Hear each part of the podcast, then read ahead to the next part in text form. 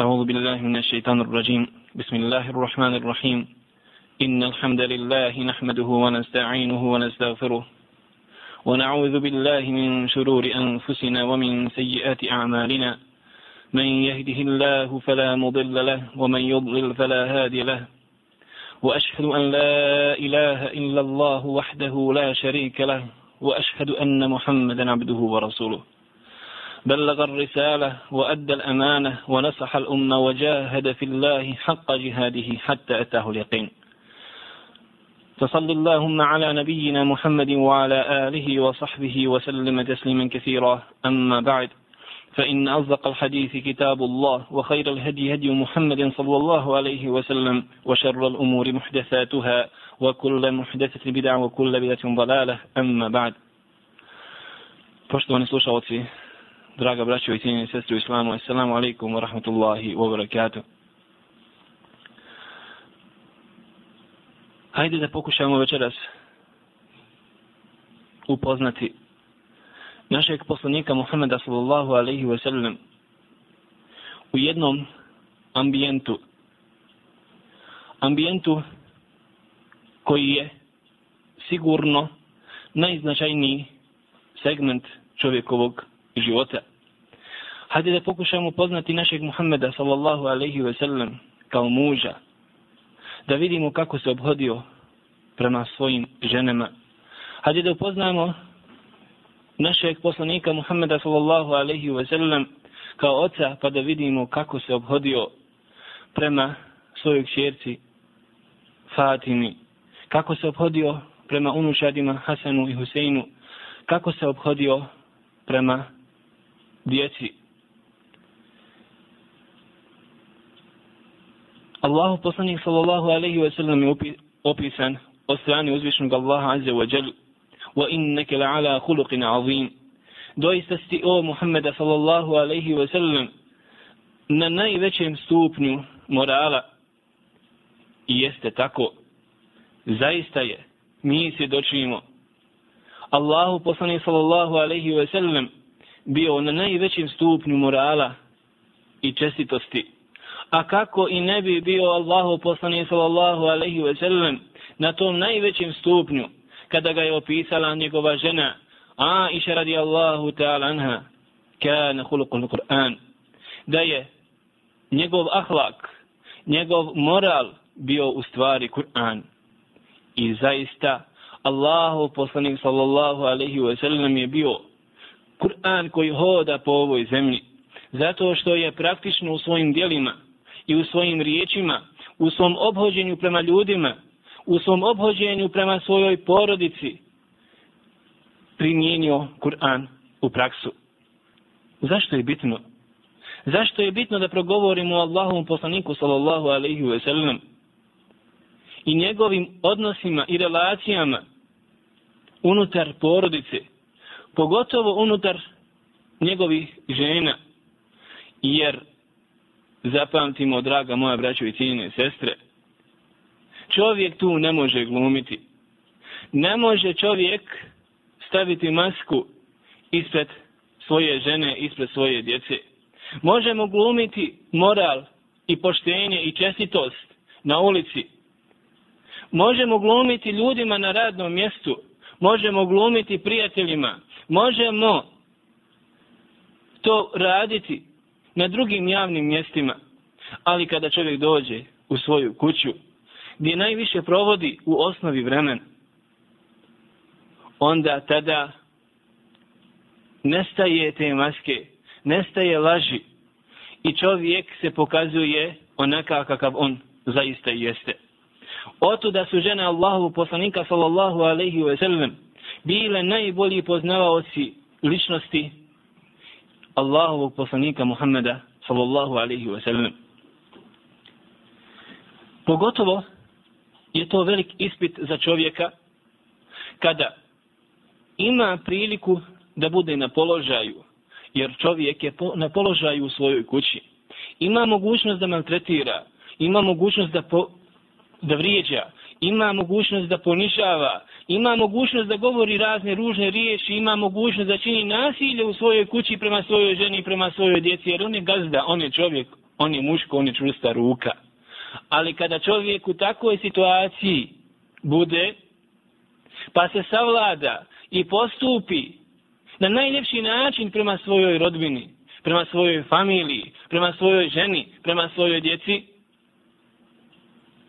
to zaista se doši da je taj čovjek na velikom stepenu morala, da je taj čovjek opisan najljepšim osobinama. Oto da je Allahu poslanik sallallahu alaihi wa sallam najuspješnije prošao na tom ispitu, jer su ga njegove žene najbolje poznavale i one su prenijele najljepše riječi i najljepša sjećanja i najljepše trenutke o našem dragom poslaniku Muhammedu sallallahu alaihi wa sallam. Zato je bitno da progovorimo o Allahom poslaniku sallallahu alaihi wa sallam na ovakav jedan način. Pogledajmo, draga moje braće i sine i sestre u islamu, šta kaže Allahu poslanik sallallahu alaihi wa sallam. Hajrukum li ehlihi wa ana hajrukum li ehli. Najbolji od vas je onaj koji se najbolje obhodi prema svojoj porodici. A ja se najbolje obhodim prema svojoj porodici. Ovaj hadis bilježi imam i tirmizi u svome sunanu. U komentaru tirmizinog sunana spominju, spominje se da se pod porodicom u pomenutom hadisu podrazumijeva žena, djeca i rodbina. Što znači da se Allah poslanik sallallahu alaihi wa sallam na najljepši mogući način obhodio prema svojoj ženi.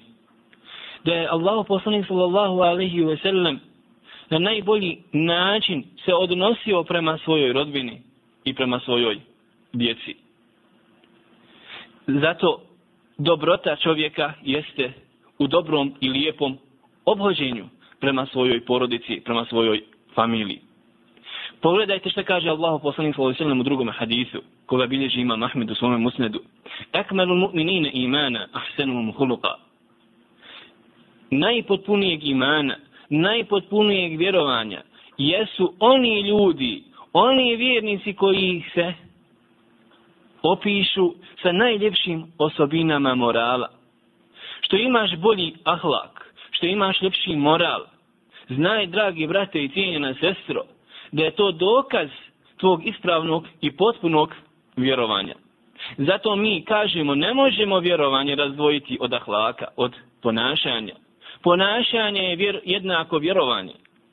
Pa kad vidiš čovjeka da je, ima ružne riječi, znaje da je problem sa njegovim imanom.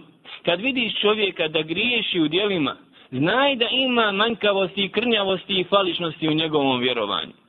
Jer ne može se desiti da čovjek, vjernik, potpunog imana ružno govori. Nije Allahu poslanik sallallahu alaihi ve sellem bio la'an, nije proklinjao, nije bio šetam, onaj koji je vrijeđao, koji je psovao. Ne. Allahu poslanik sallallahu alaihi wa sallam nije takav bio. Zato kaže Allahu poslanik sallallahu alaihi wa sallam ekmel mu'minine imana, ahsanum khuluqa, wa khijarukum khijarukum linisaihim nisaihim. A najbolji od vas jesu oni koji se na najljepši način obhode prema svojim porodicama, to jest prema svojim ženama. Zato je Allah poslanik sallallahu alaihi wa sallam na mnogo mjesta i u, mnogo, na, u mnogim situacijama i u mnogim prilikama oporučivao ashabima da se lijepo i na najljepši način obhode prema svojim ženama. Došao je hadis koga bilježi imam Bukhari u svome sahihu od Esveda koji kaže سألت عائشة kana an-nabiy sallallahu alayhi wa sallam يصنع fi baytihi Kaže, pitao sam Aishu radijallahu ta'ala anha, šta je to radio Allahu poslanik sallallahu alaihi wa sallam u svojoj kući? Ovo je bila praksa tabina, ovo je bila praksa ashaba, da gledaju šta je to radio Allahu poslanik sallallahu alaihi wa sallam u svakoj situaciji, pa da bi mogli uzeti Allahu poslanika sallallahu alaihi wa sallam za uzor. Pa je pitao Aishu, šta je to radio, šta je to sunnet? Allahovog poslanika sallallahu alaihi wa sallam u kući. Pa odgovorila Aisha, kane yakunu fi mihneti ahlihi, tani fi hidmeti ehlihi. Fa iza hadarati salatu harađe ila salat. Kaže Aisha radi Allahu ta'ala anha, odgovarajući na ovo postavljeno pitanje, Allahu poslanik sallallahu alaihi ve sellem je radio uobičajene kućnije poslove. Podrazumijevala je po tim Ajša da je potpomagao svoju porodicu, potpomagao je svoje žene. Pa kada bi nastupio, nastupilo vrijeme namazu, otišao bi Allahu poslanik sallallahu alaihi ve sellem na namaz u džamiju. Došla je predaj i kaže Ajša radi Allahu ta'ala Poslanik sallallahu alaihi ve sellem bi se šalio sa nama, sa ženama, ali kada bi čuo riječi Allahu akbar, kada bi čuo ezan, kao da nas više nije poznavao, apsolutno. Pogledajte. Zato je uzvišnji Allah subhanahu wa ta'ala opisao u Kur'anu vjernike, da ih njihova, njihove žene i njihova djeca i njihovi imenci ne odvraćaju od zikra Allahu subhanahu wa ta'ala. Ali vratimo se na ahlak Allahu poslanika sallallahu alejhi ve sellem u kući što znači da je pomagao svoju porodicu. Danas mnogi ljudi, ako bi pomogli svojoj ženi da operu posuđe ili da postavi sofru zajedno sa njom, smatrali bi da je to manjkavost i da je to krnjavost i da je to gubljenje autoriteta kod porodice, kod žene ili kod djeteta. Ali nažalost Allahu poslanik sallallahu alaihi wa sallam nije to tako gledao kako mi to danas gledamo. Smatrao je Allahu poslanik sallallahu alejhi ve sellem da je to od dobročinstva koji Allah subhanahu wa ta'ala naredio nama vjernicima wa ashiruhunna bil ma'ruf. I obhodite se sa ženama na najljepši mogući način. Što podrazumijeva lijepo obhođenje u riječima lijepo obhođenje u našim dijelima došla je druga predaja od Ahmeda koji kaže da je Orve radi Allahu ta'ala anhu upitao Allahu poslanika upitao Aisha radi Allahu ta'ala anha ma kana Rasulullah sallallahu alaihi wa sallam jasnavu fi bejtihi šta je tu radio Allahu poslanik sallallahu alaihi wa sallam u svojoj kući? Pa je odgovorila jahitu se ubahu da je poslanik sallallahu alaihi wa sallam znao šiti svoju odjeću sam svojim rukama. Nije sramota dragi moj brate da nosiš zakrpljenu odjeću, ali je sramota da nosiš poderanu. Poslanik sallallahu alaihi ve sellem je svojom rukom znao zakrpati svoju odjeću. O jaksifu na'lehu. I znao je Allahu poslanik sallallahu alaihi ve sellem popraviti svoju papuću ako bi se pokvarila ili očistiti i tako dalje. Wa ya'malu ma ya'malu ar-rijalu fi buyutihim. I poslanik sallallahu alaihi ve sellem je radio običajene stvari koje radi čovjek sa svojom ženom. To je bio odgovor Aisha radijallahu Allahu po pitanju ahlaka, po pitanju morala, po pitanju načina obhođenja i komunikacije Allahovog poslanika Muhammeda sallallahu alaihi wa sallam sa svojim ženama. Allahu poslanik sallallahu alaihi wa sallam se na najbolji mogući način obhodio prema svojoj porodici, prema svojim ženama.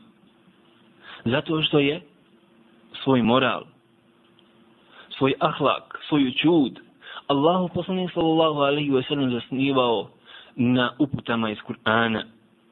Znao je Allahu poslanik sallallahu alaihi wa sallam vrlo dobro šta kaže uzvišni Allah azza wa jal وعاشروهن بالمعروف فإن كرهتموهن فعسى أن تكرهوا شيئا ويجعل الله فيه خيرا كثيرا kaže Allah subhanahu wa ta'ala i na najlepši način se obhodite prema svojim ženama. Činite im dobročinstvo, kao što smo rekli, u riječima, u dijelima. Pa čak i ako se desi da u određenom trenutku možda zamrzite svoje žene ili se desi nešto u vašim srcima vid odbojnosti prema njima. Jer možda baš u tome što vi doživite u određenom trenutku neku odbojnost prema vašim ženama, Možda baš Allah subhanahu wa ta'ala u tome da da mnogo dobro. Kažu komentatori ovog kuranskog ajeta, možda Allah subhanahu wa ta'ala iz takvog braka da, pa da ti ta žena koju u određenom trenutku možda zamrziš ili osjetiš neku nelagodu prema njoj ili odbojnost, možda ti Allah da u toj ženi hajr, pa ti ona rodi dijete koje će ti biti od koristi i pomoći i na dunjaluku i na ahiretu. Pa s obzirom da je Allah poslanik sallallahu alaihi wa sallam znao Šta naređuje uzvišnji Allah azza wa jal, to je primijenio. Od lijepog obhođenja Allahu poslanika sallallahu alaihi wa sallam prema svojim ženama, navešćemo primjer. Slučaj, Aisha radijallahu ta'ala anha koja kaže, سابقني رسول الله صلى الله عليه وسلم فسبقته وذلك قبل أن نحمل الرحم kaže jedne prilike Allahu poslanik sallallahu alaihi ve sellem se ta, čak natjecao u trčanju sa mnom. To je bilo onda kada još nisam bila debela, kaže Aisha. To sam još bila vršava. Summa sabaktuhu. Ba'dama hamiltu lah fe sabakani. Fa bitilk. Pa po drugi put, Allahu poslanik sallallahu alaihi ve sellem se natjecao sa Ajšom, ali ovaj put Ajša je bila debela, već otromila kao žena, pa je ovoga puta nju pobjedio Allahu poslanik sallallahu alejhi ve rekavši hazihi bitilk, ovo je sad za ono. Ova pobjeda je za onu toju pobjedu. Želio reći jedan jedan. Na ovakav način Allahu poslanik sallallahu alejhi ve sellem je želio unijeti sreću, unijeti radost u srce svoje ženi. Dragi moji brate i sestro, ako znaš da kaže Allahu poslanik sallallahu alejhi ve sellem tebe tabassumuka fi wajhi akhika sadaka da je osmije tvome bratu sadaka šta je tek onda po pitanju tvog osmijeha prema tvojoj ženi šta je tek onda po pitanju tvog osmiha prema tvome djetetu? Šta je tek onda po pitanju unošenja sreće i zadovoljstva u odnosu na tvoju rodbinu, na tvoje roditelje i tako dalje. To je bio Allah, poslanik sallallahu alihi wa sallam. Na ovakav način nam je Allah, poslanik sallallahu alihi wa sallam, pokazao put kojim vjernici, koji njega slijedi, trebaju ići. Hajde da navedemo drugi primjer. Da vidimo kako je to shvatao Allah poslanik sallallahu alihi wa sallam relaciju sa svojim sa svojom ženom u ovom slučaju Aishom radi Allahu ta'ala anha. Jedne prilike došla je jedna skupina iz skupina Habešija koji su izvodili neke igre koje nisu bile poznate među ashabima u Medini. I to u džami Allahu poslanika sallallahu alaihi wa sallam. Tada je Allahu poslanik sallallahu alaihi wa sallam došao na vrata kuće Ajše radi Allahu ta'ala anha i zastrojo je, zastroje Ajšu svojim ogrtačem. A ona je, kako je došlo u jednoj predaji, znala nasloniti svoje lice, uz lice Allahu poslanika sallallahu alaihi wa sallam tako priljubivši se uz njega i iza njega gledala šta ova skupina ljudi radi u džami. Mnogi od nas ne bi dopustili na ovakav jedan način sebi, ne bi dopustili sebi da se spusti na ovakav jedan nivo na koji se spustio Allahu poslanik sallallahu alaihi ve sellem prema svojoj ženi. Došla je predaja da je čak Aisha stala na poslanika koji je legao i da bi gledala kroz prozor preko njega na takav jedan način. Pa ako je Allahu poslanik sallallahu alaihi ve sellem kao najodabranije biće, kao najljubomornije biće prema svojim ženama, obhodio se na ovakav lijep način. Razmisli, dragi brate, malo ja i ti o svojim relacijama i o svom obhođenju prema našim porodicama. Od lijepog obhođenja Allahu poslanika Muhammeda sallallahu alaihi wa sallam i našeg miljenika, našeg vođe, našeg imama, jeste i primjer koga navodi Aisha radijallahu ta'ala anha koja kaže كنت أشرب وأنا حائض ثم أناوله النبي صلى الله عليه وسلم فيضع فاه على موضع في فيشرب Kaže Aisha, radi Allahu ta'ala anha, znala sam se napiti iz posude, bilo vode ili nešto drugo.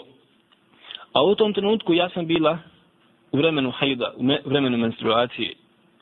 Zatim sam znala dodati tu posudu sa vodom Allahom poslaniku Muhammedu sallallahu alaihi ve sellem, a on bi namjerno, pazite dobro, stavio svoja, svoje usne, stavio svoje usne na mjesto gdje sam ja, kaže Ajša, stavila svoje usne prilikom pijenja iz te posude i onda bi se sa tog istog mjesta napio.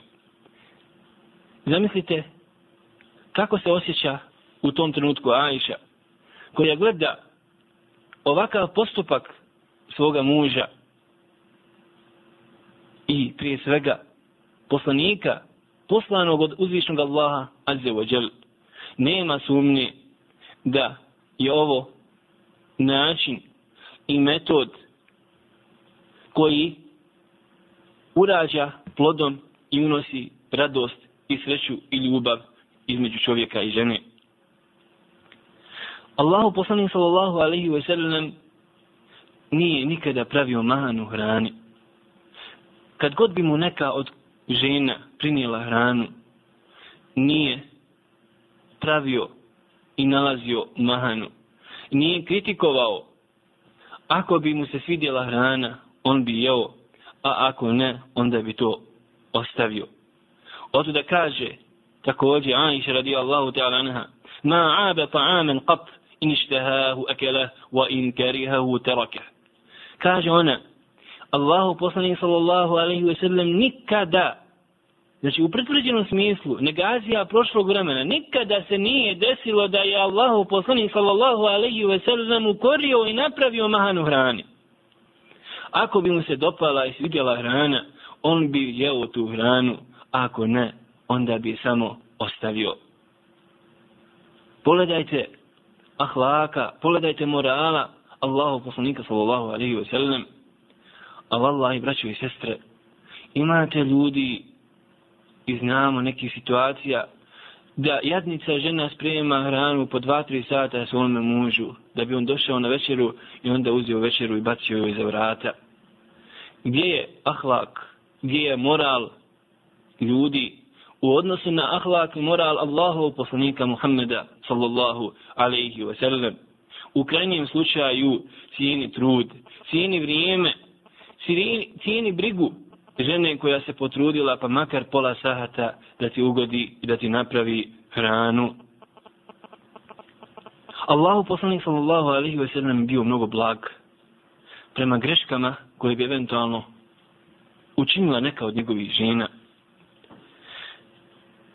I bio je strpljiv na tom putu, jer ovaj dunjaluk je mjesto iskušenja. Nije lako ga proći. Pogledajte slučaj koji govori o saburu, koji govori o blagosti Allahu poslanika sallallahu alaihi wa sallam u određenim kritičnim trenucima. Kaže Omer ibn Khattab radijallahu ta'ala anhu, kunna mašara Quraysh naglibu nisa.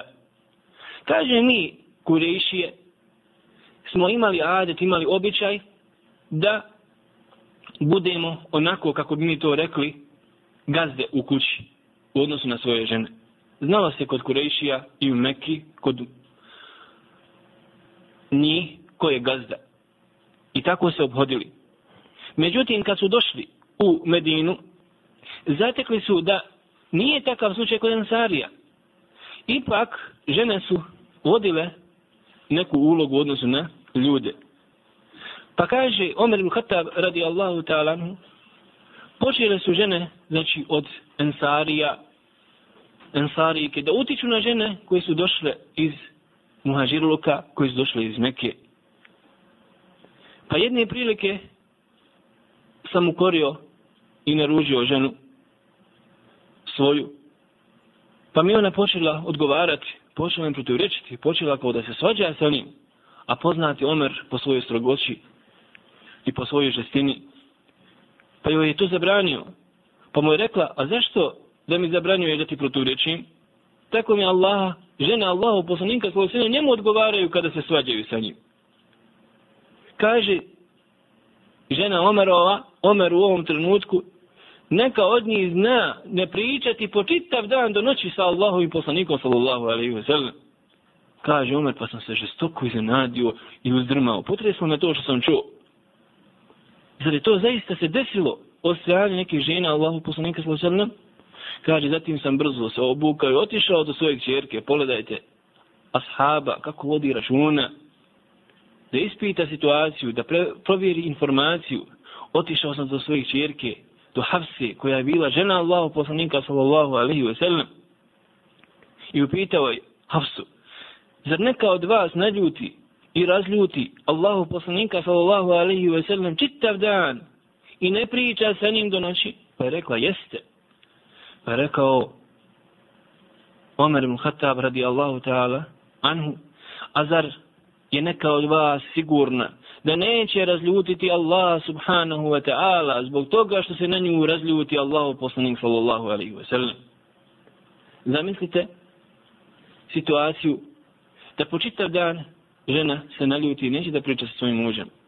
Problemi, belaji, često puta se zna desiti da čovjek padne na tom ispitu koji smo, koji smo spominjali, da pokaže svoje lice, da se spusti na nivu i da pokaže svoju slabost, da možda kaže neke ružne riječi ili čak možda da pribigne udarcu, da ošamari i tako dalje.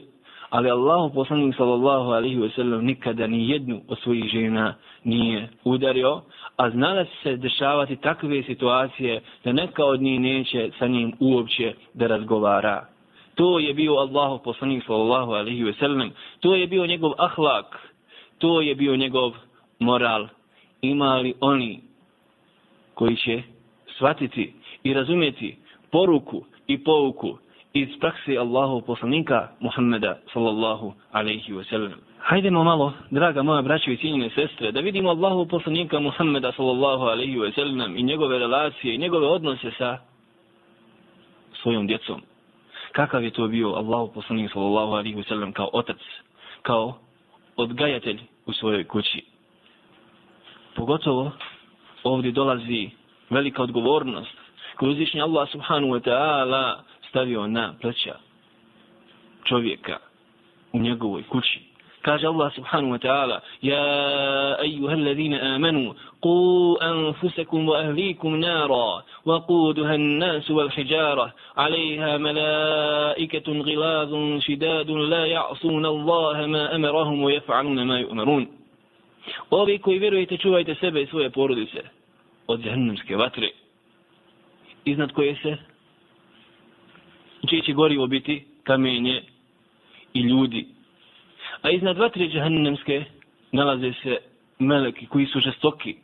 Žestoki po pitanju stvaranja Allah subhanahu wa ta'ala stvorio u jakom smislu i po pitanju naravi također žestoki.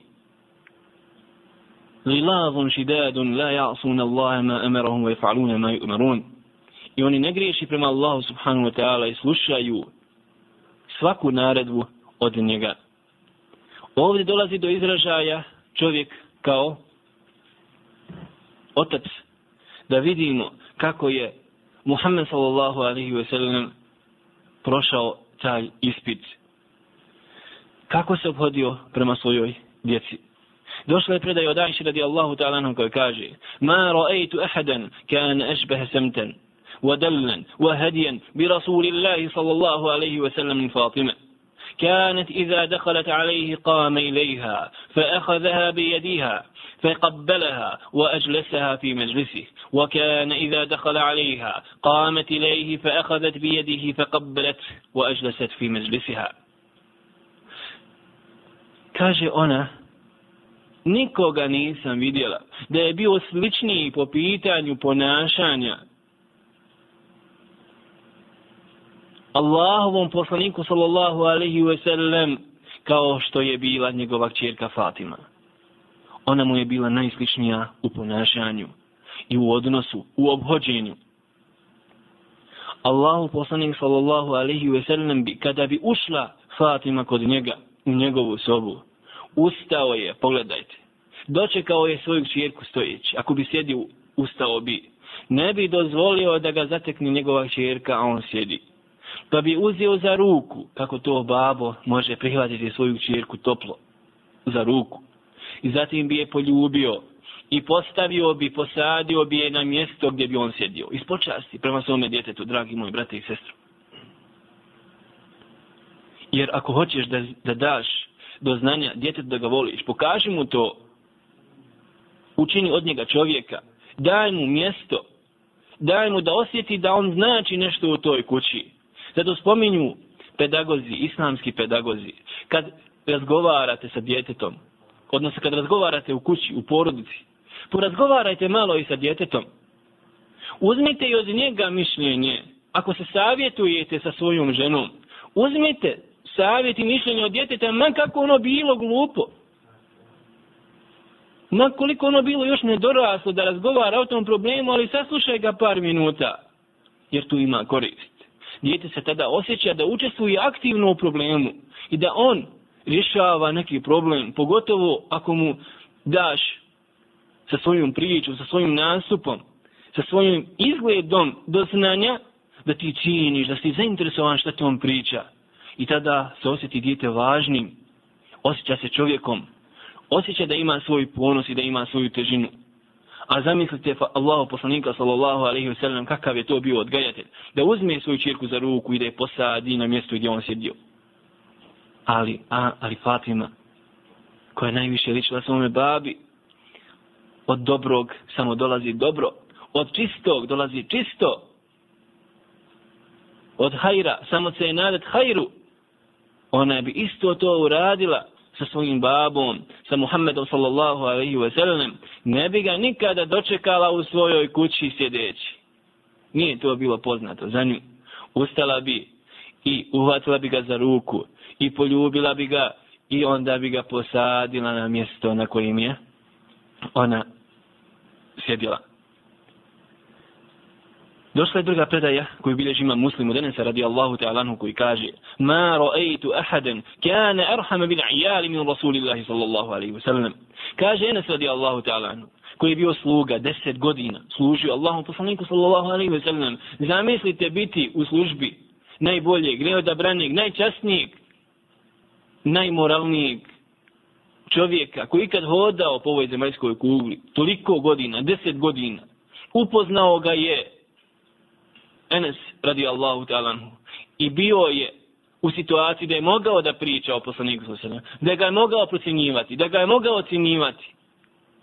Šta kaže Enes radi Allahu ta'ala Ma ra'aytu ahadan kana arhama bil iyal min Rasulillahi sallallahu alejhi ve sellem. Nikoga nisam vidio da je bio toliko milostiv prema svojoj porodici kao što sam vidio Allahu poslanika sallallahu alejhi ve sellem da je bio milostiv prema svojoj porodici.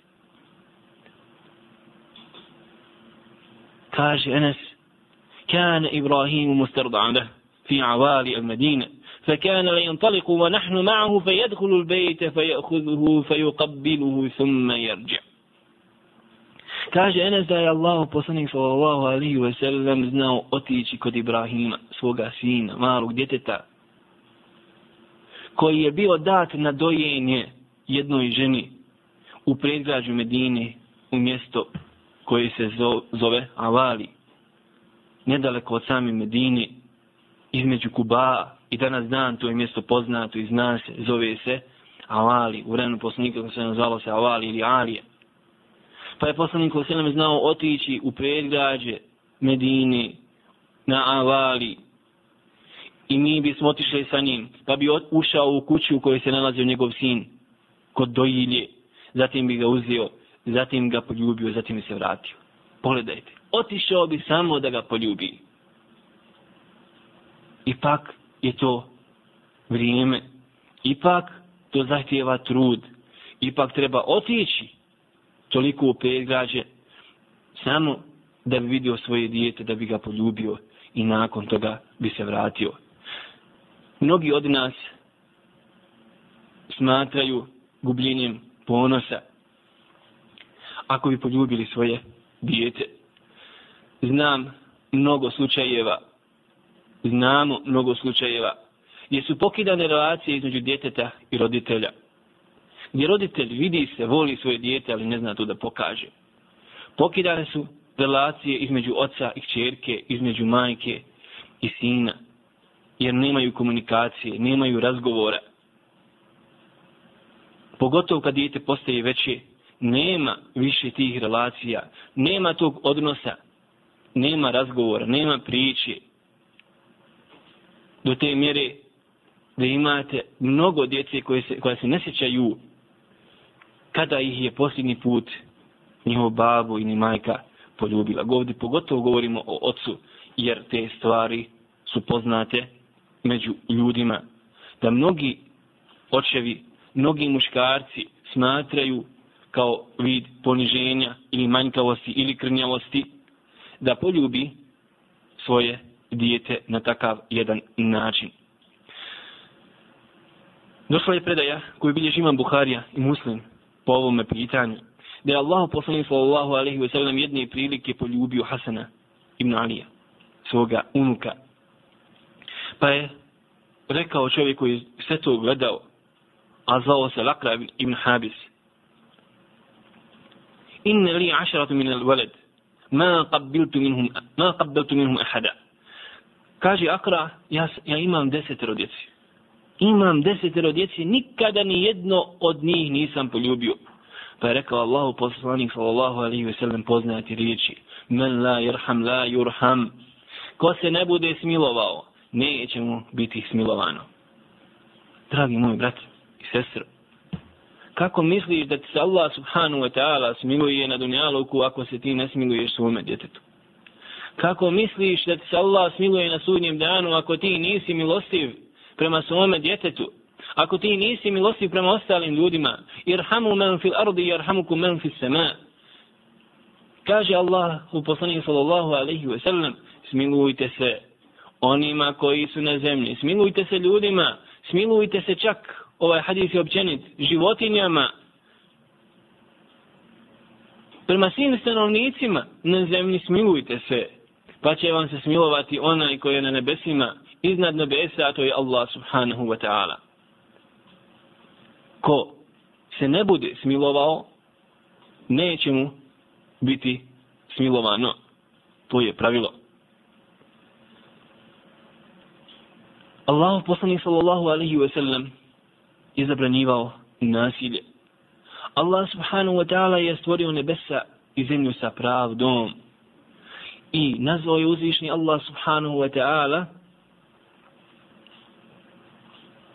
širk najvećim nasiljem. Kaže Allah subhanahu wa ta'ala u hadithi kuciji Inni harramtu zulme ala nafsi wa ja'atuhu bejnekum muharrama fala tazalamu Kaže Allah subhanahu wa ta'ala ja sam sebi zabranio nasilje. Zulom ja sam sebi zabranio. Pa nemojte vi činiti nasilje jedni drugima ovaj propis je općenit. Nije dozvoljeno da bilo ko čini ikome nasilje. A nema sumnje da jedna od velikog nasilja, od velikog zulona kojeg čovjek može učiniti, nasilje prema svome djetetu. Otuda Pogledajte kako je Allah poslanik sallallahu alaihi wa sallam vodio računa o pravednosti. Jer nasilje ne dolazi sa dobrim. Iz nasilja se javlja mržnja. Prave se barijere i pucaju relacije i veze među ljudima. Zato je Allah poslanik sallallahu alaihi wa sallam naredio pravednost među djeci. A zabranio je da se čini nasilje među njima, a činit će se nasilje ako se bude prema jednom postupalo dobro, a prema drugom loše, ili ne bude se u djeljivanju i u davanju izjednačavalo, izjednačavala djeca. Oto da pogledajte sljedeći primjer koga prenosi Bezar od Enes ibn Malika radi Allahu ta'ala da je jedni prilike čovjek bio kod Allahu poslanika sallallahu alaihi wa sallam Pa je tom čovjeku došao sin, koga je on poljubio i posadio ga sebi na stegno, na podkoljenicu, na podkoljenicu ili možemo reći u krilo ga je sebi stavio. Pa je nakon ovog djeteta, došla njegova čerkica. Međutim, nije je poljubio, pogledajte, i posadio je ispred sebe. Nije stavio svoju čerkicu u krilo. Pa je poslanik sallallahu alihi wasallam rekao, Ala sa uvejte bejnahum, zašto nisi bio pravedan prema njima? Ako si jedno stavio u krilo, stavi drugo. Jedno dijete stavi na desnu stranu, a drugo posadi na lijevu. Ali nema nepravde, nema nasilja. Ako si sina poljubio, zašto nisi poljubio kćerku? Ako si sina stavio u krilo, zašto nisi stavio i kćerku u krilo? Zašto si nju stavio da sjedi ispred tebe na tlu? Zašto? Ala sa uvejte bejnahum. Zašto nisi bio pravedan prema njima? To je bio Allah poslanik sallallahu alaihi ve sellem, koji nije dozvolio da se čini nasilje ljudima. Pa kako onda neko može reći da je poslanik sallallahu alaihi ve sellem zastrašivao ljude, da je poslanik sallallahu alaihi ve sellem izvor mržnje među ljudima, kako neko može optuživati našeg časnog dragog poslanika Muhammeda sallallahu alaihi ve sellem sa takvim gnusnim lažima, Zar poslanik sallallahu alaihi ve sellem je mogao biti takav, takav koji kaže Suvu bejna uladikum bil atije. Izjednačavajte i budite pravedni prema svojoj djeci kada je u pitanju davanje. Kad udjeljujete, budite pravedni prema djeci. Ne može jednom djetetu ostaviti se deset duluma zemlje muškom, a eto, čerki ne treba, pa njoj ostavi dulom ili je isključe skroz iz nazivstva. Zulom, vallahi, draga moja braćo i sestre. A naša je zemlja puna nasilja po tom pitanju. I čudo mnogima Allah subhanahu wa ta'ala ne izbaci kosti iz te zemlje koliko su učinili nasilje i nepravde prema svojoj djeci. Allah poslani sallallahu alaihi wa sallam jedne prilike drži hudbu u svojoj džami i ulazi Hasan i Husein i hodaju po džami. Poslanik sallallahu alaihi ve sellem prekida hudbu. Prekida hudbu. Silazi sa mimberi i uzima ih i kaže inni la asbiru alaihima. Ja se ne mogu strpiti, ne mogu se suzdržati kad ih vidim. Toliko je volio Allah poslanik sallallahu alaihi ve sellem svoju porodicu, svoju djecu da je znao prekinuti hudbu, prekinuti govor, čekaju muslimani, ali Allahu poslani sallallahu alaihi wa sallam silazi se min beri uzima svoga, svoje unučad. Dragi moji brate i sestro, mi danas ne možemo se strpiti 5-10 minuta na akšamu ili na jaciji, kada su djeca oko nas, istjeravamo iz džamije i ružimo ih. Istjeravamo na takav način djecu te im se zgadi i džami, onda neće više da dolaze u džami, ne mogu od hađe ovog ili hađince one. Pogrešno. Treba djecu upozoravati, treba djecu odgaja, treba djecu smiravati, ali nemojmo ih sjeravati iz džamije. Ako je Allah poslanik sallallahu alaihi ve sellem znao prekinuti hudbu i sijeti sam im bere i uzeti svoju unučad. Ko smo mi da zagalamimo na tuđe dijete? Ko smo mi da mu omrznimo namaz, tako mi Allah snosi odgovornost pred Allahom subhanahu wa ta'ala. Svako onaj ko na takav jedan način bude uzrok da dijete zamrzi džamiju, da dijete zamrzi islam, da dijete zamrzi, zamrzi džamatlije u džamijama. Nasihat i lijep savjet u redu. Odgoj u redu, upozoravati na lijep način u redu, smirivati djecu treba, ali istiravati, zabranjivati, galamiti, ne, nema niko pravo da istjerava djecu iz džamije na takav način, ali nažalost često puta možemo vidjeti namrštene ljude, namrštena lica, čim čuju da je dijete tu negdje u blizini. Dragi moje brate i sestro, Allahu poslanik sallallahu alaihi ve sellem počeo da klanja jedan od namaza i bio i htio je da uči dužu suru, ali je čuo dijete kako plaće, pa je skratio namaz, na koji način počeo da uči suru kul huvallahu ahad. Iz sažaljenja prema majici i sažaljenja prema djetetu. A zamislite situacija gdje imate ljude koji znaju čak, čak upozorite će prekinuti namaz ili čak i prekinuti namaz i reći da majka ta i ta izađe iz džamije da iznese svoje dijete. S kojim pravom? Zamislite kako će se osjećati takva jedna žena kada svi u nju gledaju bulje, a ona izlazi iz džamije. Ovo je bio Allahu poslanik sallallahu alaihi ve sellem sa svojom djecom. Ali nije takav bio samo poslanik sallallahu alaihi ve sellem prema svojoj djeci. Bio je i prema drugoj. Pogledajte primjer Mahmuda ibn Rebije, poznatog ashaba. To je najmlađi ashab koji prenosi hadis kod Buharije. Kažu učenjaci da imao svega pet godina. I to je donja granica koja se u pitanju godina, koja se mora naći da bi čovjek mogao prenijeti hadis od Allahu poslanika sallallahu alejhi od ashaba Mahmud ibn Rabija. Prenosi hadis te je poslanik sallallahu alejhi ve sellem jedne prilike došao kod njegove porodici kod njegovog babi u kuću. A on je bio na vratima. Pa ga je poslanik sallallahu alejhi vidio uzeo je vode u usta i onda ga poprskao iz svojih usta, kako mi to se znamo često puta šaliti sa svojom djecom. I to je ostalo u sjećanju Mahmudu ibn Rebije, taj prizor i taj postupak, i lijep odnos Allahu poslanika sallallahu da ga je zapamtio i prenio ga je i imam Buharija je zapisao taj hadis. Ovakav je bio Allahu poslanik sallallahu alaihi ve sellem kao otac. Ovakav je bio Allahu poslanik sallallahu alaihi ve sellem kao odgajatelj, kao pedagog. Allahu poslanik sallallahu alaihi ve sellem zaista neka je salavat na naših poslanika Muhammeda sallallahu alaihi ve sellem jer draga braćo ko donesi salavat na Allahu poslanika sallallahu alaihi ve sellem samo jedan puta Allah na njega donesi deset salavata hajde makar da zaradimo ovaj jedan sevap da kažemo alaihi salam ili da kažemo salavatullahi wa salamu alaihi ili da kažemo sallallahu alaihi ve sellem da makar to večeras ako ništa drugo ne zaradimo, da makar to zaradimo kod našeg uzvišnog Allaha subhanahu wa ta'ala.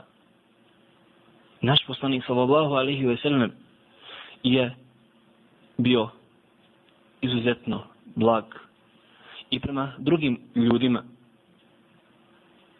Pogledajte Enes ibn Malika, dječaka koji je odrastao uz Allahu poslanika sallallahu alaihi ve sellem, služeći ga, potumažujući ga,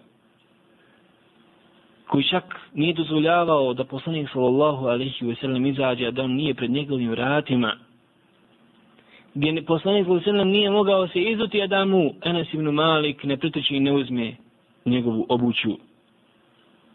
I niko nije volio svoga prijatelja, kao što su vodili ashabi, svoga prijatelja, svoga poslanika Muhammeda sallallahu alaihi wa sallam, kaže Enes ibn Malik, خدمت رسول الله صلى الله عليه وسلم عشر سنين والله ما قال لي أفا قط ولا قال لي لشيء لما فعلت كذا هلا فعلت كذا كاج أنس بن مالك deset godina sam služio Allahovu poslanika Muhammeda sallallahu alaihi sallam. Tako mi Allaha nikada mi u životu nije rekao uf. Zamislite, deset godina sa čovjekom provedite i da nikad se nije naljutio da kaže uf. Niti mi je rekao za nešto što sam uradio, zašto si to uradio? Niti mi je pak rekao, zašto nisi ovako uradio? Pa to je bio Allahu poslanik sallallahu alaihi ve sellem. To ne može niko. Dragi moj brat, bez Allahove vjere. To ne može neko ko je došao tu, a ne zna ni odakle došao, ni zašto je tu niko da ide. To može samo neko ko je shvatio odgovore na ova pitanja kao što je bio Allahu poslanik Muhammed sallallahu alaihi ve sellem. Pogledajte drugog primjera. Pogledajte poniznosti Allahu poslanika sallallahu alaihi wa sallam. كانت الأمة من إماء أهل المدينة لتأخذ بيد رسول الله صلى الله عليه وسلم فينطلق به حيث شاءت. Ovo je hadis bilježi imam Bukhari. Kaže, Enes ibn Malik, da bi znala neka od robinja koju možda nije uopće poznavao Allahu poslanik sallallahu alaihi wa sallam, priči poslanik sallallahu alaihi uzet ga za ruku. Ne misli se doslovno da ga uzela za ruku, jer došao vjerodosan hadis da poslanik sallallahu alaihi wa sallam nikada nije uzeo, odnosno dodirnuo ženu koja mu nije bila dozvoljena. Žena koja mu je bila haram nikada nije dotaklo tijelo poslanika sallallahu alaihi wa sallam tu ženu. Ali bi znala doći robinja i kao za rukav ili u tom smislu, povući Allah poslanika sallallahu alaihi wa sallam i otišla bi sa njim, kao što je došla druga predaja, da bude on posrednik između nje i njenog gospodara, njenog vlasnika. Jer bi možda neki uradila belaj, neki zijan, i nije se smjela vratiti, strahovala je ako se vrati da će je njen gospodar kazniti, njen vlasnik, pa bi znala doći uzeti Allahovog poslanika sallallahu alaihi wa sallam da ide da posreduje kod njenog vlasnika. I poslanik sallallahu alaihi wa sallam bi našao vremena da ide za jednom robinjom koju uopće ne poznaje i da se zauzme kod njenog gospodara. Braćo moja i cijene sestre, pogledajmo poniznosti Pogledajmo čovjeka koji nije imao kompleksa. Pogledajmo čovjeka koji je imao za svakoga vremena. To je bio Allah poslanik sallallahu alaihi sallam koji je vrlo dobro znao وَمَا تَوَاضَا أَحَدٌ اللَّهِ إِلَّا رَفَعَ Niko se neće poniziti. Niko se neće poniziti radi Allaha subhanahu wa ta'ala nekome. A da neće Allah uzdignuti tog čovjeka. Ako hoćeš slavu, ako hoćeš ugled, ako hoćeš da postigneš mjesto i na ovome i na onome svijetu, ponizi se radi Allaha. Budi prost čovjek. Spusti se na nivo ljudi. Živi sa ljudima. Živi njihove probleme. I znaj, ako se poniziš radi Allaha, Allahovim stvorenjima, Allah će tebe uzdići. Nemoj se sikirati, dragi moji brate i sestro.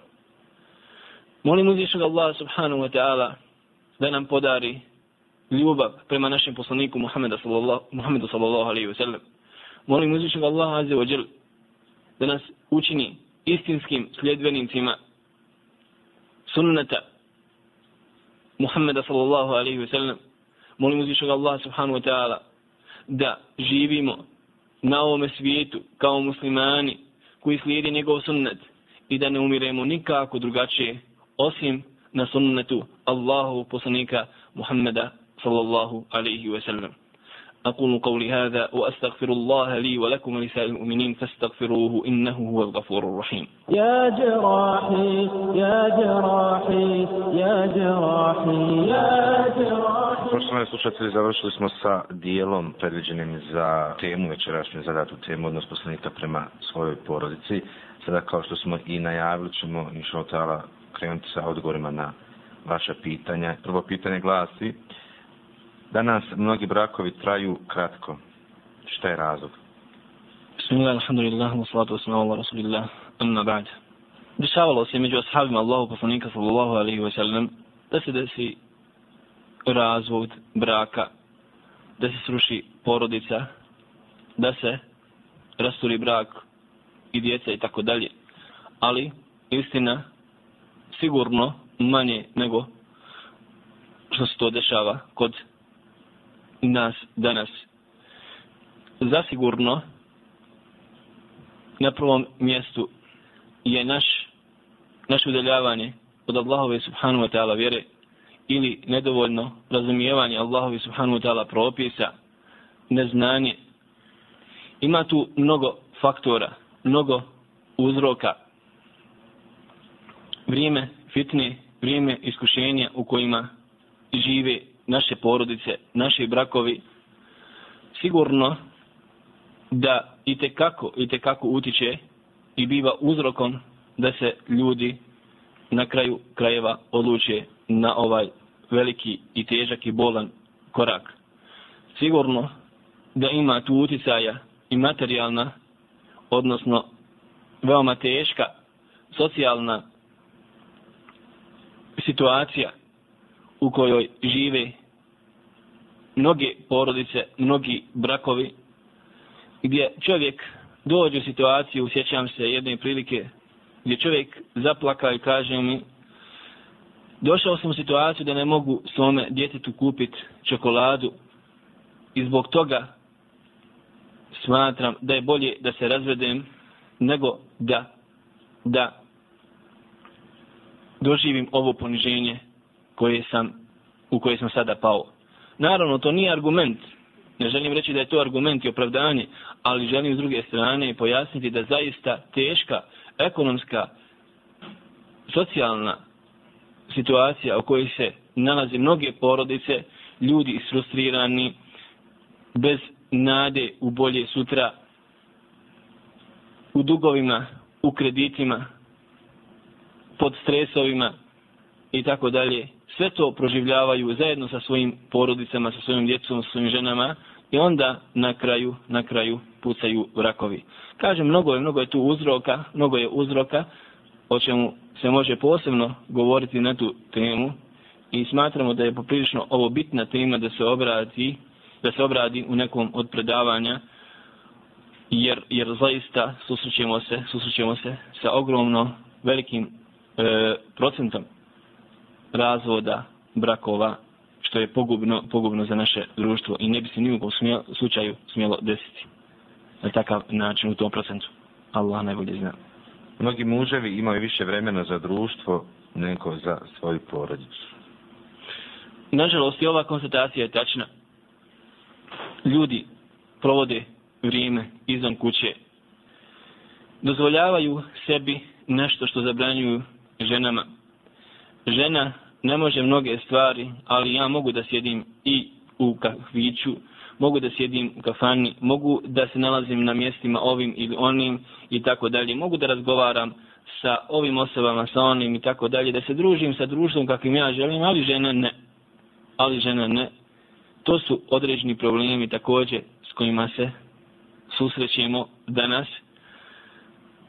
Oto da čovjek treba da se boji Allah subhanahu wa ta'ala za sebe i za svoju ženu i da zna da će doći jedan dan kada će stati pred Allah subhanahu wa ta'ala i da će ga Allah subhanahu wa ta'ala pitati waqifuhum innahum mas'ulun. Zaustavite i kada Allah subhanahu wa ta'ala. Oni će biti pitani. I neće čovjek otići ispred Allah azze wa dok ne bude položio račun pogotovo dok ne bude položio račun za svoju porodicu za svoju ženu i za svoju djecu. Ali treba savjetovati ljude treba ih upozoravati, treba žena da bude mudra, da sačuva brak, treba puno dijaloga, treba puno komunikacije, treba na razne nekakve načine da žena osmisli kako da dođe do čovjeka u takvoj jednoj situaciji i da ga pokuša koliko toliko vratiti kući. Jer dešavaju se, možemo reći, veoma teške i nezgodne situacije da ljudi petljaju, varaju na ovakav, na onakav način, a sve to naravno puca na kraju krajeva po leđima porodice, a na prvom mjestu po ženi, a Allah najbolje zna. Sljedeće pitanje glasi, kako da postupim sa ženom koja nije još shvatila neke stvari iz Islama? Dragi moji brate, ono što ti oporučujemo, to je sabor. Strpi se i uvijek kažemo, lako je čovjeka gurnuti u blato, ali teško pružiti čovjeku ruku i izvući ga iz blata. Možda si i ti i ja dojuče bili u nekom blatu. Pa je Allah subhanahu wa ta'ala nas izvukao, pa smo počeli da gledamo na neke stvari drugačije. Otuda ti savjetujemo, sačuvaj brak, sačuvaj porodicu, strpi se malo, naravno, imaju neke granice, ne možemo reći ako se radi o velikim grijesima, poput možda bluda nekako, ili šta ja znam, alkohola ili nekih težih grijeha koji koje možemo naslutiti ili na takav neki način onaj, primijetiti da zbog toga zbog očuvanja porodice da kažemo hajde ne bili ne bili tako dalje da sve to trpimo. Ne. Ali ali u većini slučajeva radi se o situacijama gdje ženi treba vremena i čovjeku s druge strane također treba vremena. Mora žena da se strpi mora čovjek da se strpi u takvoj situaciji ne bili ga povukla ili on ne bi li nju povukao da neke stvari shvati i da počne počnu razmišljati na sasvim jedan drugačiji način. Otuda kažemo, otuda kažemo, veoma je bitno da se, dragi moji brate, strpiš, strpiš. Moli Allah subhanahu ta'ala, nemoj zaboraviti dovu, jer na kraju krajeva, inneke la tehdi men ahbevte, walakin Allah jehdi men ješa. Ti ne možeš uputiti ono koga ti hoćeš, nego Allah upućuje onoga koga on hoće. A na lijep način, lijepom pričom, lijepim pozivanjem, lijepim obhođenjem pozivaj u Allahu subhanahu wa ta'ala vjeru. Nastoj na razne načine da priđeš svojoj ženi, da joj pokušaš otvoriti srce, da joj pokušaš otvoriti oči od lijepih riječi, lijepih postupaka, od poklona i tako dalje, lijepog obhođenja prema njoj, nastoj da pridobiješ njeno srce za Allahu subhanahu wa ta'ala vjeru. Allah najbolje zna. Koliko su porodice odgovorne za probleme koje se dešavaju u društvu i obratno, koliko je društvo odgovorno za probleme u porodici? To su stvari koje su uzajemne. Ali što se tiče stanovišta islama, osnova je porodica. Osnova je porodica. Zato ćete vidjeti koliko se kroz Kur'an, koliko se kroz sunnet Allahu poslanika sallallahu alaihi ve sellem potencira odgoj pojedinca kao ličnosti i nakon toga formiranje porodice i odgoj same iste porodice, da bi onda sutra mogli nešto, da bi sutra mogli imati znači zdravu sredinu, zdravu zajednicu. Kažem, ove dvije stvari su uzajemne, ali, kao što je opće poznato, jedan organ se sastoji od ćelija, ćelija društva je porodica, zato ako budemo imali odgojene, moralne, čestite, poštene ličnosti, imat ćemo isto tako moralne porodice, nadat se onda sutra da ćemo sa takvim moralnim, odgojenim, poštenim porodicama moći izgraditi neko društvo. Zato je veoma bitno da izgradimo, da primjenimo Allahu subhanahu wa ta'ala vjeru koliko god možemo, mi kao pojedinci, koliko god možemo, zatim da to prenesemo u svoje kuće i onda malo pomalo, malo pomalo, nadat se je da će inša Allah ta'ala i ova vjera dati onda svoje plodove u društvu. A Allah najbolje zna. Sljedeće pitanje glasi, prestao sam da klanjam, a prije sam klanjao svaki namaz. Šta mi vi preporučujete da radim, da vas Allah nagradi za trud? Dragi moji brate, veoma je teško shvatiti da čovjek nakon namaza može doći u situaciju opet da ga ostavi. Jer to je problem. To je problem Allahu poslanik sallallahu alaihi wa sallam se uticao od zabudi nakon upute. Jer kad čovjek osjeti Allahu subhanahu wa ta'ala vjeru, osjeti svjetlo istine u svome srcu, pa se vrati nekim starim putem, vrati se unazad, to je problem. Ali Allah subhanahu wa ta'ala prihvata te obu od svakoga onoga koje uradi. Zato preporučujem ti da ne čekaš ni jedne minute, ne minute, nego ni jedne sekunde, nego da se abdestiš i da nastaviš klanjati, da se na, da nastaviš klanjati kao što si to radio. A propuštene namaze u ovom periodu, koliko si već ostavljao, da to naklanjaš, da to naklanjaš kao što je opće poznata stvar, kako i na koji način se naklanjavaju propušteni namazi. Zato zaista brate, vodi računa o svojoj vjeri, jer nema vjere bez namaza.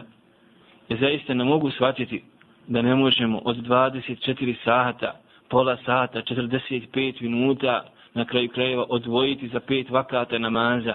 To je temelj, to je sub možemo sada polemisati o mnogim pitanjima. Možemo polemisati i o hijabu, možemo polemisati i o ovome i onome i tako dalje, ali ne možemo polemisati o namazu.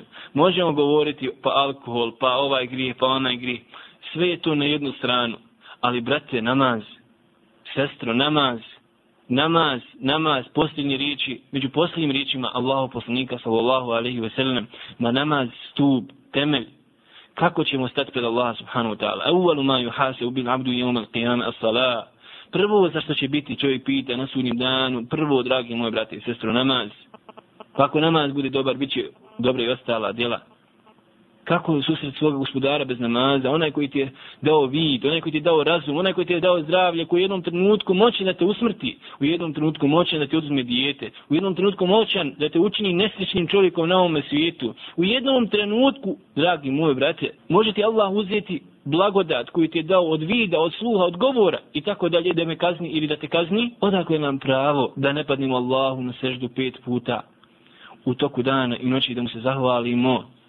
kao našem gospodaru koji nas je doveo na ovaj svijet iz ničega nas stvorio i održava nas u životu vallahi ne bi mogli udahnuti jedan da bez pomoći i bez moći Allaha za ođel vallahi ne bi mogli trepnuti bez njegove pomoći bez njegove snagi i odakle nam onda pravo da na takav neki način imamo odnos prema Allahu وما قدر الله حق قدره والأرض جميعا قبضته يوم القيامة والسماوات مطويات بيمينه kaže Allah subhanahu wa ta'ala, oni nisu dovoljno veličali Allaha, oni nisu spoznali veličinu Allaha, a Allah subhanahu wa ta'ala će sabiti zemlju i nebesa, sve će staviti Allah subhanahu wa ta'ala u svoju desnicu koju ni, koja nije ničemu slična. To je Allah, to je veličina Allaha. Pa onda, pazi, moj brate, pazi, cijenjene sestro, koga griješiš i kome si nepokoran ili nepokorna. Ali Allah subhanahu wa ta'ala prima teubu svakoga, prima pokajanje, prima vraćanje i Allah subhanahu wa ta'ala se raduje te obi čovjeka više nego što se čovjek raduje onoj devi koju izgubi u pustinju na kojoj se, na kojoj se nalazi njegova hrana i voda. Zato nikada nije kasno, nikada nije kasno da se čovjek ili žena vrati, ma o kojim grijehu se radilo, ma o kojim ibadetu se radilo, čovjek nije ispunjavao, nikada nije kasno sve dok ne bude duša došla u grlo. Zato, brate i sestro, vratimo se Allahu azzawajal. Koliko je ovdje bitno društvo da bismo uskladili naš život sa islamom i e, da bi smo ustrajali u tome sve? Svakako da je veoma bitan faktor društvo vidjet ćete hadis koga bliži ima muslim u svome sahihu po pitanju onog čovjeka koji se pokajao od onih ubistava. Pa mu je onaj učenjak rekao da ide u to i to mjesto jer se tamo nalaze pobožni ljudi. Ozdo islamski učenjaci kažu da je veoma bitan faktor društvo. Društvo. Društvo je tako kako je. Mi moramo voditi računa o našim prijateljima, o našem ličnom društvu, u kakvom se mi krećemo, u kakvom se kreću društvu naša žena, naša djeca, mi sami s kim imamo relacije. To je ono o čemu mi moramo razmišljati onoliko koliko možemo. Da vidimo ko nam ulazi u kuću, da vidimo kome ćemo odlaziti u kuću, da vidimo ko su prijatelji naše djece, da vidimo šta naša djeca uči u školi. Imamo pravo da znamo šta naša djeca slušaju, ko uči našu djecu i čemu ih uči to je ono o čemu mi moramo voditi računa, gdje imamo mogućnosti, koliko, koliko su naše mogućnosti. La yukellifu Allahu nafsan illa Aha, Allah neće da duši za njegove čovjeka i za njegove mogućnosti. Ali problem je u mogućnostima gdje imamo to, mi kaskamo. Mi ne odrađujemo posao i ne tražimo svoja prava. To je ono što se treba zamjerati ovdje našim muslimanima, bošnjacima na ovim prostorima. Gdje imamo mnoga prava, gdje možemo, mnogo što što uraditi. Imam pravo da se moja čijeka neće skidati u srednjoj školi na fizičkom vaspitanju. Imam pravo, to je moje pravo, otići kod direktora, otići kod pedagoga. Otići tražiti svoja ljudska prava. Ako ima pravna država. Takve neke stvari, oko tih stvari moramo voditi račun na prvom mjestu u svojoj porodici za koju ćemo biti pitani a društvo tako kako je, Allah subhanahu ta'ala, dragi brati, se se neće pitati onome o čemu ti nemaš mogućnosti. Eh, ovo pitanje možemo odmah postaviti iza, iza ovoga kao neki nastavak, e, mada je čovjek zakasnio, čini mi se, a možda nije, čuću mi za odgovor. Kako da postupim prema svojoj djeci, punoljetna su, ne slušaju me. Mnoge greške sam uradio u njihovom djetinjstvu, nisam ih odgajao u duhu islama, a uz to sve, eh, uz to sam i sve dopuštao, šta da radim sada? Allah subhanahu wa ta'ala naređuje čovjeku da poziva na put svog gospodara na lijep način, na mudar način, lijepim savjetom. To je osnova. Znači, brate moj,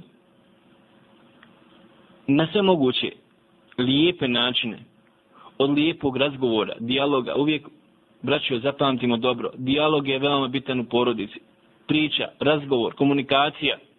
Jer šetan prilazi čovjeku, prilazi djetetu, prilazi ženi, prilazi čovjeku. Jer šetan čim vidi hajr u kući, želi da rasturi kuću, želi da rasturi porodicu i tako dalje. Ali kad postoji dijalog, kad postoji razgovor, kad postoji ponašanje islamsko koliko toliko u kući, onda je to nešto drugo. Zato je poslanik sallallahu alaihi wa sallam uvijek najveće koristio priliku da obiđe ili da sakupi sve svoje žene u jednu kuću i da razgovara i tako dalje, da večeraju zajedno. To je prenosi Ibn Kesir. Braćo, to ima svoj smisao. Zašto? Da ima informaciju, da ima dijalog, da ima komunikaciju, da ne ostavi prostor šeitanu koji napada ljude, ubacuje vesvese, ubacuje fitnu i razdor među ljudima. A to razgovorom, pričom, komunikacijom nastaje. Oto da kažemo i savjetujemo ti, brate, mora se uspostaviti dijalog, razgovor između tebe i tvoje djece. Pokušaj lijepim riječima, lijepom pričom, napravi strategiju kako, na koji način da priđeš svom djetetu, gdje su najtanji, šta voli, šta ne voli, na koji način da dođeš do njihovog srca. Naravno, prije svega toga, prije bilo kakvih dunjalučkih uzroka, moraš da znaš da dova između tebe i Allah subhanahu wa ta'ala po pitanju tvoje djece mora da bude. Moraš upućivati dovu za svoju djecu da je Allah subhanahu wa ta'ala upute, da im Allah otvori srce. Nemoj ih zaboraviti u dovi. Jer Allah je taj koji upućuje, kako smo malo prije spomenuli, kuranski ajet. A nakon toga da uzmeš dunjalničke uzroke. Kažem na lijep način, greške koje su bile, bile, to je prošlo. Nemoj se opterećavati, ima naba fat, ono što je bilo, to je prošlo. Ono što će biti, mi ne znamo. Bori se sada za ovaj trenutak, za ove dane u kojima živiš. Da uložiš trud. Jer zapamti, Allah će te pitati za trud. Neće te pitati za uspjeh tvoga, za, za tvoj uspjeh. Allah te neće pitati hoće li tvoje dijete biti musliman ili ne. Neće te Allah to pitati na sunjem danu. Jer se dešavalo da Nuh, ali ih sam kao poslanik njegov djete nevjernik. Neće ga Allah pitati na takav način za njegovog sina. Ali će te Allah pitati za trud, koliko se truda iz noja prolio i uložio da bi izveo svoju djecu na selamet, da im, da im pojasniš ko je njegov gospodar, šta trebaju da bude, kako, na koji način da se ponašaju, na koji način da obožavaju svoga gospodara. To je ono što će Allah subhanahu wa ta'ala pitati. I naravno, u kući kao gazda, moraš voditi računa da se ne čini otvoreni grijesi, ne, možemo dozvo, ne može se dozvoliti, ne može se dozvoliti da se čini harami od bluda, alkohola i tako dalje. To je tvoje, to je tvoja država, tvoja kuća, četiri zida, tu ti niko ne može doći i uspostavljati red. Ima svako pravo u svojoj kući da radi što hoće. Ti u svojoj kući imaš pravo da uspostavljaš red koji Allah subhanahu wa ta'ala od tebe zahtijeva. Što nam savjetujete kod izbora bračnog druga? Ako može malo duže odgovor. Pa bojimo se da je to Če to predavanje? Je podugačko pitanja. Ima vjerojatno ljudi koji pričaju, pričaju kod toga pa... Dobro. Dobro. Nekad nam halali brat ili sestra kome se već radi. E, spomenuli ste primjer da mnogi očevi nisu poljubili svoju djecu. Vidimo drugu krajnost kod odgoja djece. Što je sa onima koji ih puno maze i na kraju dobiju razmaženu djecu? Braćo i sestre, Islam je vjera sredini. Allahu poslanik sallallahu alaihi wa sallam je na ovakav način prilazio djeci kako smo spomenuli. Ali, s druge strane, da se desi u određenoj situaciji da prekrši Allahu propis ili nemoralno se počnu ponašati, postoje sankcije, postoji i žešća priča u smislu zastrašivanja ili u smislu nekih kazni, pa čak na kraju krajeva Allahu poslanik sallallahu recimo po pitanju namaza je rekao muru euladekum bis salati li seba odribu ali ali aš naredite svoje djeci da obavljaju namaz kad već budu imali 7 godina a kad budu imala djeca deset godina, ako ne budu htjeli da obavljaju namaz, onda nije problem da ih i udarite. Podrazumijeva se, pazite, udarac koji neće oštetiti kost, niti ostaviti posljedice na tijelu. To je znači simboličan jedan, jed, simbolična jedna vrsta udarca koja nekida tkivo, koja ne ostavlja traga na tkivu, na tijelu i naravno ne lomi kosti. Tako da to dijete boli odnosno njegovog roditelja i islam i to poznaje. Ali čovjek osnova je, kažemo, opet vraćamo se na osnovu lijepo ponašanje, lijepo obhođenje, to je temelj. To je osnova. Pa ako se od te osnove 1%, 2% desi situacija da čovjek treba zagalamiti, da čovjek treba naružiti dijete ili ukor ili kaznu i tako dalje, onda to naravno ona je potrebno. Jer vidjet ćete, nema odgoja bez zabrane i naredbi kroz Kur'an. Odgoj. Allah subhanahu wa ta'ala nas kao roboj odgaja. Naredba i zabrana. Uradi ovo, nemoj raditi ovo. I bez ograničenja. Braćo moja draga i sestre, nema ni kuće, nema ni porodice, nema ni države. Mora postojati ograničenja. Mora se znati što je dozvoljeno, mora se znati što je zabranjeno. Prekorači se zabrana, postoje sankcije i kazne. Uradi se što je dozvoljeno, pohvalno, dobija se nagrada. I to je metod koji koristi Allah u poslanih sallallahu alaihi wa sallam. I to je opće poznata stvar u islamskoj pedagogiji također. Da metod nagrade i kazne mora postojati, a Allah najbolje zna. Neka Allah nagradi sve predavače, a ova emisija je šlag na tortu. Puno salama za vas u studiju i da vas Allah nagradi dženetom. Teme su vam veoma interesantne. Samo nastavite ovako dalje. Spomenuli ste u tog predavanja uh, podjelu imovine. Dijeli se imovina tek nakon smrti gazde. Tako glasi pitu. Jeste, imovina se dijeli nakon smrti vlasnika odnosno e, čovjeka ili pak žene, njegova imovina koju on imao nakon smrti. Ali sam ja govorio o hibi, a to je daru. Daru koje čovjek, recimo, pokloni, uči neku uslugu. E, ili, halalite, učini nešto za dobrobit svoga djeteta tokom svoga života. Pa imate čovjeka, hoće da da jednom djetetu, recimo, 10.000 maraka da ga pomogne u kupovini kuće, šta ja znam, stana. Mi kažemo, nije dozvoljeno da jednom pomogneš, a da drugom ne pomogneš. Moraš pomoći za vrijeme svog života. O tome smo pričali. O tome smo pričali. To je hiba ili atije, dar, poklon. Ne možeš jednom djetetu pokloniti jedno, nešto, a drugome ne pokloniti.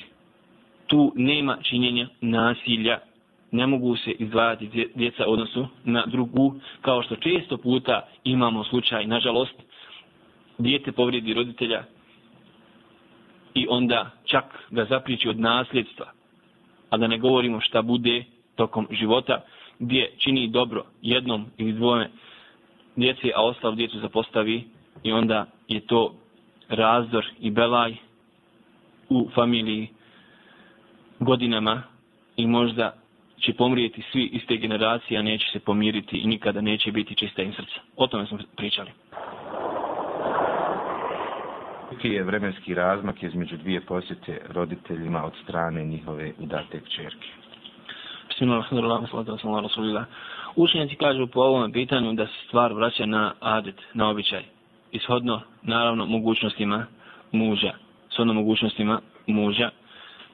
Da imate situaciju, recimo, da je u adetu običaju da žena ode sedmično jedan put ako žive u istom možda selu ili recimo u istom gradu i to ne predstavlja neko opterećenje. Dok imate situaciju da je shodno razdaljeni možda običaj da u 15 dana čovjek ode sa ženom ili žena dode svojoj rodbini ili pak možda neko ko je ko živi u Sarajevu, a ženi, žena rodbina možda u Tuzli ili nekom u Mostaru. Na primjer, možemo reći da je običaj možda i 20 dana ili pa čak i mjesec dana i tako dalje.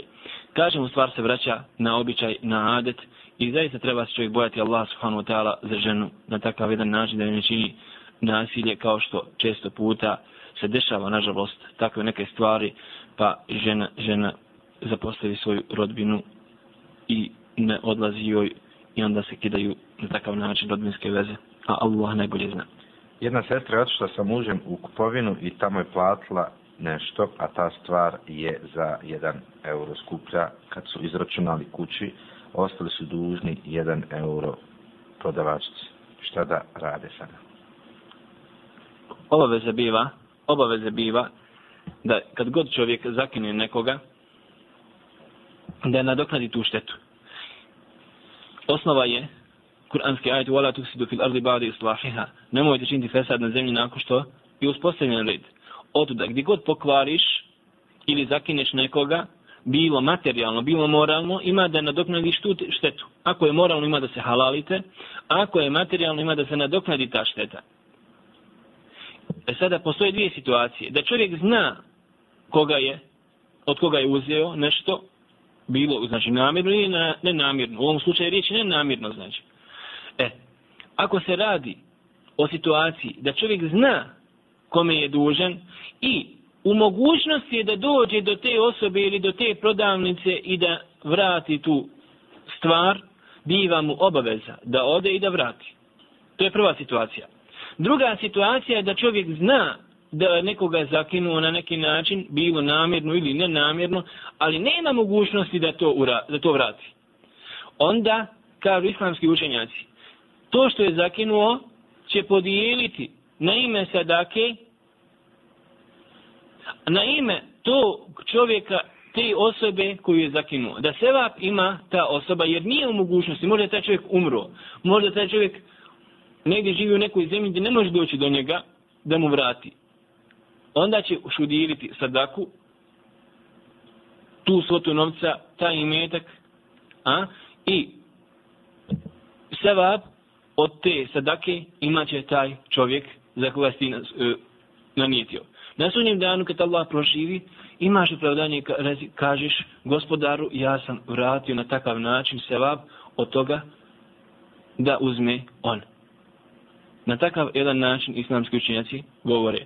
Oto da biva obaveza, dragi moji brate, i cijenjena sestro, da taj jedan dolar, da taj jedan dolar koja si ostala, koji ste ostali dužni prodavaču da vratite. Ako ste u mogućnosti, ako niste, onda dajte to sadake na, kako smo to pojasnili prethodno. A Allah najbolje zna. Postoje neki propis vezan za ostanak žene u kući i njeno neizlaženje poslije porođaja u dužini od 40 dana? Nigde nema u hadisu Allahu poslanika sallallahu alaihi ve sellem da žena mora nakon porođaja provesti 40 dana u svojoj kući ono što je došlo u sunnetu Allahu poslanika sallallahu alaihi wasallam jeste pitanje postporođajnog perioda koji zove nifas koji može biti najmanje nema ograničen broj dana, može biti dan, dva, pet, sedam dana, a najveći broj je 40 dana. A striktno boravak u kući da ne smije da izlazi, ne. To nije došlo sunnetu Allahu poslanika sallallahu alaihi wasallam, moguće da se radi o zabuni E, gdje je propis neizlaska iz kuće vezan za ženu koju čovjek umri, koju čovjek umri. Ali to je drugo, drugo pitanje, a Allah najbolje zna. Danas je aktualan trend pokonosti muža prema ženi. Neke žene se, nažalost, izdižu, zahtijevaju da ti njoj budeš pokoran i muškarci smo onda u teškoj situaciji. Šta reći na ovo? osnovati udruženje za zaštitu muških prava, ako se radi o Sigurno da ima, da ima jedni druge krajnosti, mada moje lično mišljenje da više, daleko više ima nasilja prema ženi nego što ima nasilje žena prema muškarcima. Ali ako se neko osjeća ugrožen od muškaraca na ovakav jedan način, nema sumnje, e, nema sumnje da je zato Allah subhanahu wa ta'ala propisao lijek i to je ono što se zove nušuzi, naćete u suri Nisa, kako Allah subhanahu wa ta'ala liječi taj problem kod svojih robova. Da je pitanje nušuza sljedeći. Nušuz u arapskom jeziku dolazi od riječi nešeze što znači uzdiše. A to je da žena počne da se uzdiže iznad čovjeka i počne ga kao gledati od ozgo. Od ozgo, da ona počne dominirati njim. A osnova je u Kur'anu da čovjek dominira nad ženom. Ar rijalu qawwamuna 'ala an-nisa. Muškarci imaju prednost nad ženama, takav je propis u Kur'anu. I Allah subhanahu wa ta'ala kaže وَلِ الرِّجَالِ عَلَيْهِنَّ دَرَجَ da muškarci su stariji za jedan stepen odnosu na žene. I to je priroda koju Allah subhanahu wa ta'ala stvorio kod muškarca i to je prilika, priroda koju Allah subhanahu wa ta'ala stvorio kod žene. I žena to tako doživljava i muškarac također.